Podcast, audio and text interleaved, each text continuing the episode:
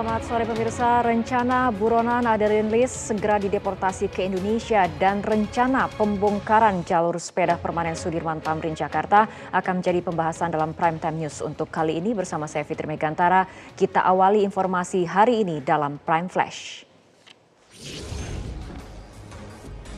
Luncuran awan panas Gunung Merapi direkam warga lereng sisi barat daya Gunung Merapi di Kabupaten Magelang, Jawa Tengah Kamis pagi. Awan panas juga terekam kamera CCTV pengamatan gunung milik BPBD Sleman, Yogyakarta. Menurut data yang ada di BPPTKG Yogyakarta, awan panas guguran terjadi pada pukul 7 lebih 10 menit dengan jarak luncur 2.000 meter ke arah barat daya Gunung Merapi. Hingga kini status Gunung Merapi masih ditetapkan pada level siaga.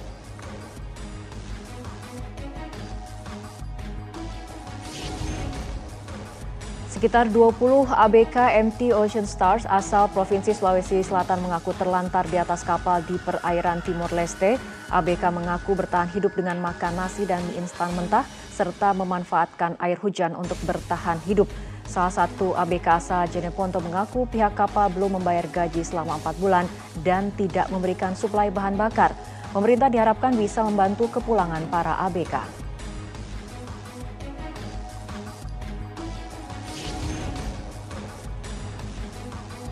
Beredar video di media sosial yang merekam sebuah desa di Myanmar yang hancur dan hangus dibakar pasukan tentara. Menurut penduduk desa Kinma, hanya 10 dari 237 rumah yang masih berdiri dan tidak dibakar. Sebagian besar penduduk sudah melarikan diri saat tentara menembakkan senjata memasuki desa dan mulai membakar rumah warga yang berada di wilayah Magway, Myanmar.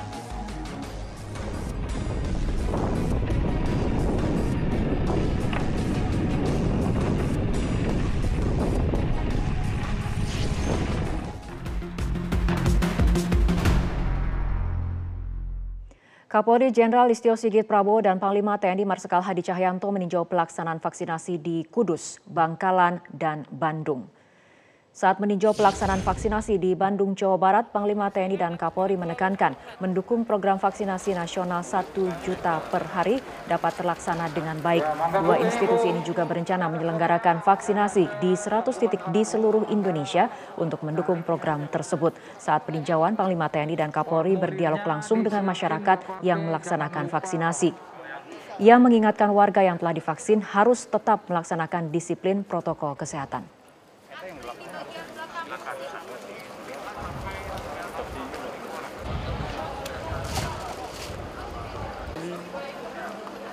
Ini nggak ada itu, nggak ada ninjau.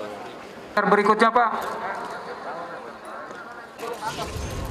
Ini Bu.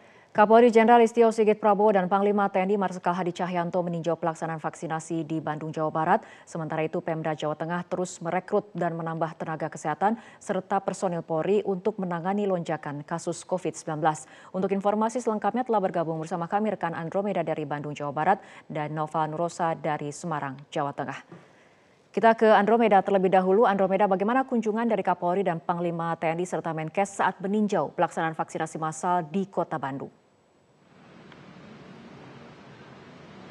Ya, selamat sore Fitri dan juga pemirsa. Siang hari tadi, uh, baik dari Panglima TNI dan juga Kapolri dan juga Menteri Kesehatan meninjau secara langsung dari pelaksanaan vaksinasi massal yang dilaksanakan di Gelora Bandung Lautan Api pada hari ini.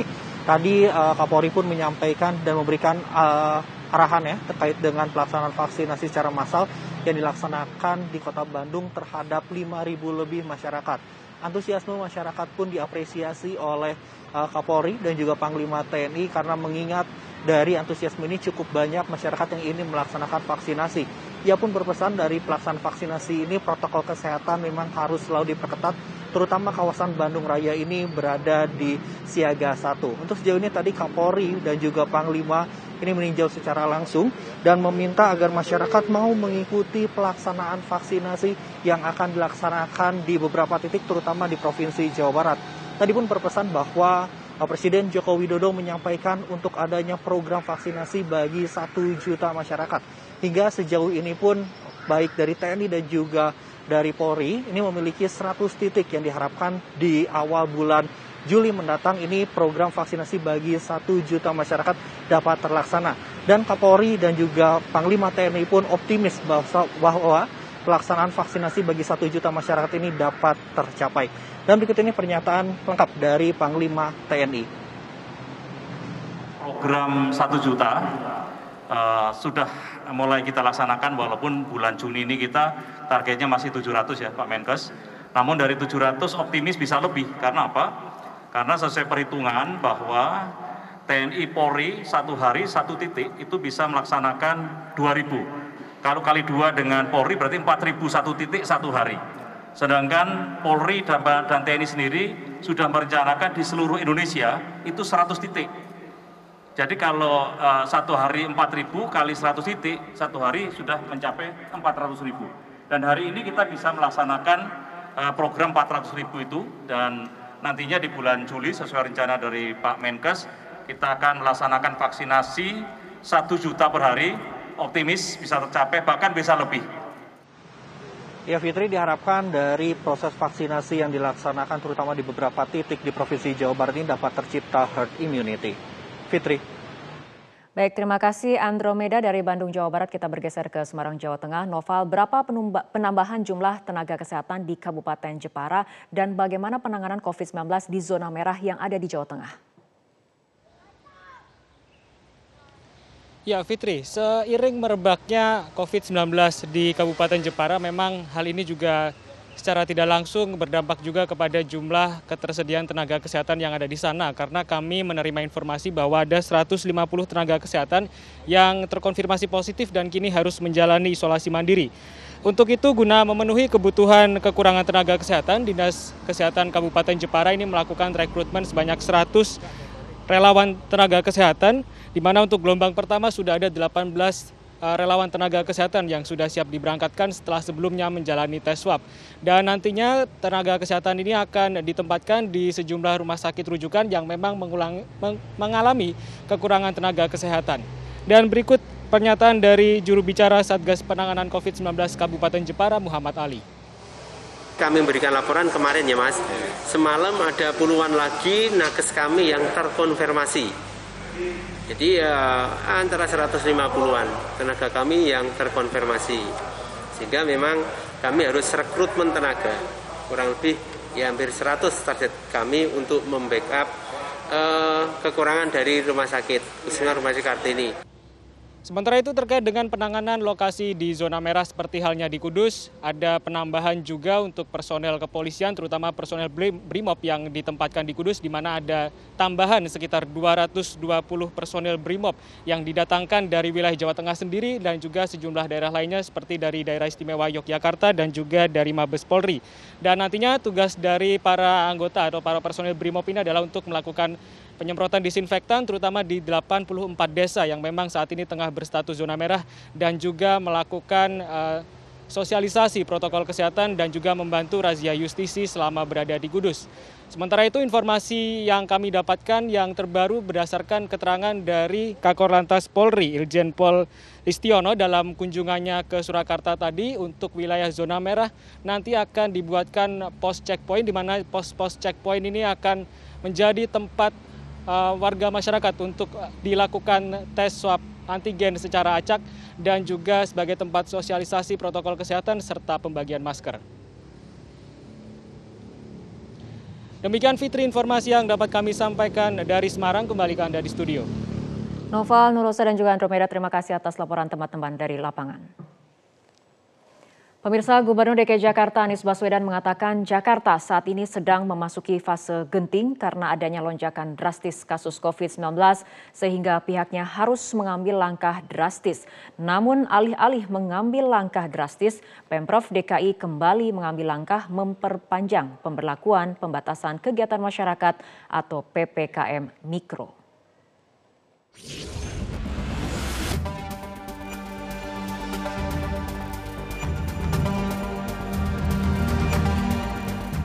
Gubernur DKI Jakarta Anies Baswedan mengatakan, Jakarta saat ini sedang memasuki fase genting karena adanya lonjakan drastis kasus COVID-19. Anies pun menekankan pihaknya harus mengambil langkah drastis jika tidak ingin Jakarta berpotensi mengalami kesulitan. Ibu kota dalam kondisi yang memerlukan perhatian ekstra. Bila kondisi yang sekarang tidak terkendali, kita akan masuk fase genting. Dan bila fase genting itu terjadi, maka kita harus mengambil langkah drastis seperti yang pernah dialami bulan September yang lalu dan bulan Februari yang lalu. Namun alih-alih mengambil langkah drastis seperti yang disebutkan oleh Gubernur Anies, Pemprov DKI kembali mengambil langkah memperpanjang pemberlakuan pembatasan kegiatan masyarakat atau PPKM Mikro. Per 15 Juni kemarin itu tempat tidur yang kita miliki 7.861 sudah terpakai 6.117. Itu artinya sudah mencapai 78 persen. Ruang ICU juga begitu, kita punya 1127 ruang ICU terpakai 824 ya.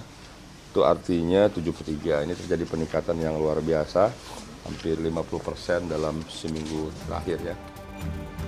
Dalam sepekan terakhir, penambahan kasus harian COVID-19 bahkan melebihi 2.000 kasus per hari dan trennya selalu meningkat. Hal ini mengakibatkan keterisian tempat tidur atau bed occupancy rate atau tingkat keterisian tempat tidur di rumah sakit rujukan COVID-19 juga ikut meningkat. Salah satunya tingkat keterisian tempat tidur di rumah sakit darurat COVID-19 Wisma Atlet yang sudah melebihi 80 persen. Data ini tentu saja menjadi alarm bagi Jakarta karena WHO sendiri menetapkan batas aman tingkat keterisian tempat tidur di angka 60 persen.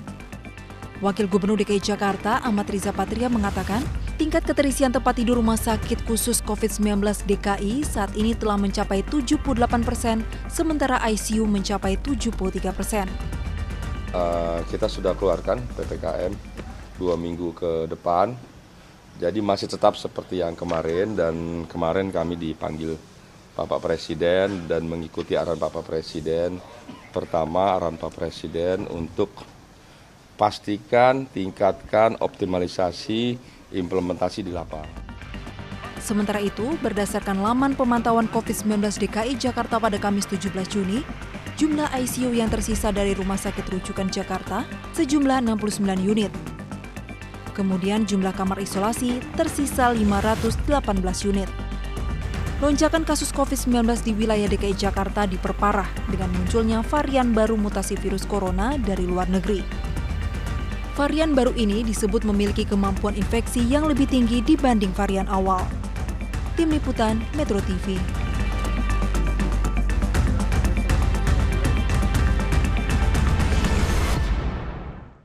Lonjakan penularan COVID-19 di wilayah DKI Jakarta turut menjadi penyumbang angka kematian di ibu kota. Data hingga Rabu 16 Juni 2021, total sebanyak 7.665 orang meninggal akibat COVID-19 di Jakarta. Enam lokasi pemakaman khusus jenazah pasien COVID-19 yang telah disediakan oleh pemerintah Provinsi DKI Jakarta hampir terisi penuh.